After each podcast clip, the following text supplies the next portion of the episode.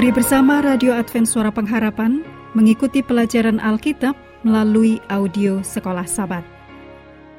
Selanjutnya kita masuk untuk pelajaran hari Senin tanggal 26 Februari.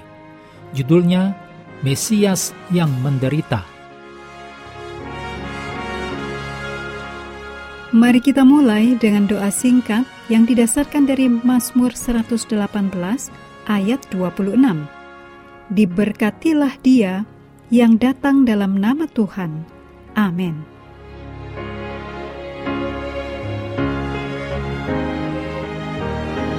Dalam Mazmur 22 dan Mazmur 118 ayat 22 dituliskan bagaimana Mesias diperlakukan oleh orang-orang yang bagi merekalah Sang Mesias datang untuk menyelamatkan banyak Mazmur mengungkapkan perasaan pedih karena ditinggalkan Mesias yang menderita.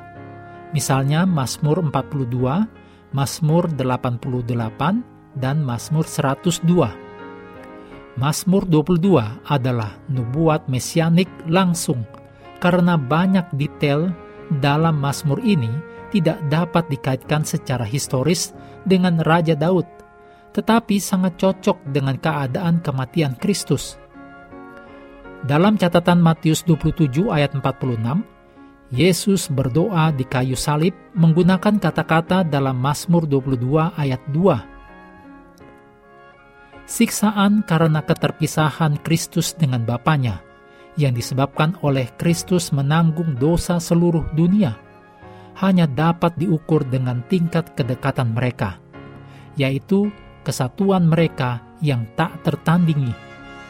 Ditulis dalam Yohanes 1 ayat 1 dan 2 dan Yohanes 10 ayat 30.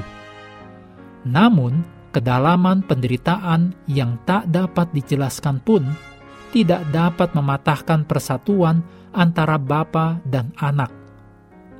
Dalam keadaan ditinggalkan sepenuhnya, Kristus tanpa syarat mempercayakan dirinya kepada Bapa, meskipun ia menghadapi keputusasaan yang sangat dalam. Berikut ini kutipan dari Alfa dan Omega jilid 6, halaman 404. Di atas Kristus sebagai pengganti dan mengaku kita terletaklah kejahatan kita semuanya ia disebut seorang pelanggar, agar ia dapat menebus kita dari tuntutan hukum. Kesalahan setiap keturunan Adam sedang menekan hatinya. Murka Allah terhadap dosa, pertunjukan yang mengerikan tentang sikap tidak senang Allah karena kejahatan, memenuhi jiwa anaknya dengan kegemparan. Gambaran binatang yang mengancam seperti lembu jantan yang kuat, singa yang mengaum, dan anjing menyoroti kekejaman dan permusuhan orang-orang terhadap Kristus yang dibandingkan dengan ulat yang tidak berbahaya dan tidak berdaya pada saat-saat terakhirnya. Dengan ketepatan yang luar biasa, Mazmur pasal 22 menyampaikan ucapan-ucapan berbisa dari orang banyak yang menghina Yesus dengan perkataannya kepada Bapa. Ditulis dalam Mazmur 22 ayat 2 dan 9 dan Matius 27 ayat 43. Dan para prajurit yang membagi-bagi pakaian Yesus.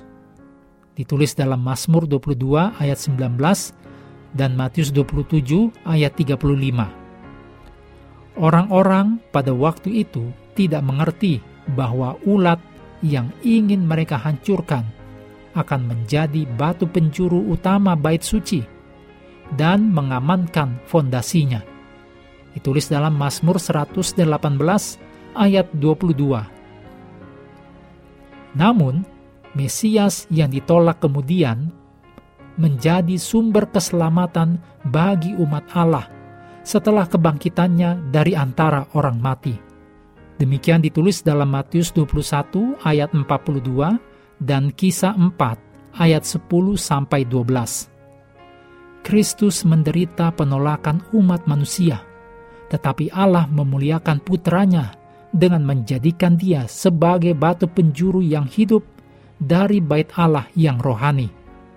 Ditulis dalam Efesus 2 ayat 20 sampai 22 dan 1 Petrus 2 ayat 4 sampai 8. Bagi mereka yang menolak batu ini, yaitu sarana keselamatan Tuhan, maka batu ini akan menjadi agen penghakiman.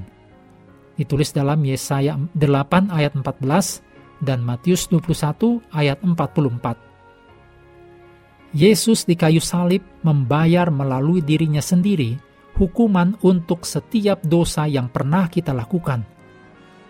Fakta bahwa Yesus menderita bagi kita seharusnya berdampak pada cara kita hidup sekarang, yaitu bahwa kita harus menganggap dosa begitu menjijikkan. Mengakhiri pelajaran hari ini, mari kembali ke ayat inti Mazmur 118 ayat 22 dan 23. Batu yang dibuang oleh tukang-tukang bangunan telah menjadi batu penjuru. Hal itu terjadi dari pihak Tuhan, suatu perbuatan ajaib di mata kita. Kami terus mendorong Anda bersekutu dengan Tuhan setiap hari, bersama dengan seluruh anggota keluarga, baik melalui renungan harian, pelajaran sekolah sahabat, dan bacaan Alkitab sedunia, percayalah kepada nabi-nabinya, yang untuk hari ini melanjutkan dari Yeremia pasal 29. Tuhan memberkati kita semua.